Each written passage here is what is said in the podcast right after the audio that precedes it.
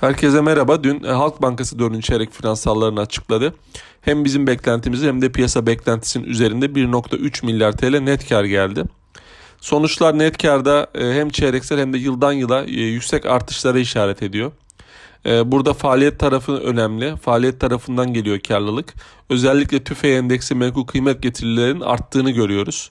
Ee, burada da bankanın e, Ekim enflasyonu yerine yıl sonu enflasyonunu kullandığını yani %36'ya göre hesaplama yaptığını görüyoruz. Bunun etkisinde yaklaşık 11 milyar TL civarında bir e, gelir yazmış banka. E, bunun dışında geçen çeyrek e, faizleri güncellenen kooperatif kredileri %9'dan %15'e çekilen kooperatif kredilerin de yine karlılığa olumlu etkisi var. E, bunun yanında e, swap giderlerinin düştüğünü görüyoruz.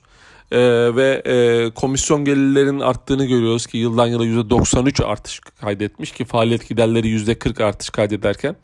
Bunlar hep pozitif tara pozitif e, etmenler.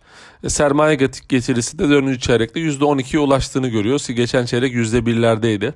Burada da önemli bir ilerleme var. Ama hani özel bankalarla kıyaslarsak özel bankalar %26'da.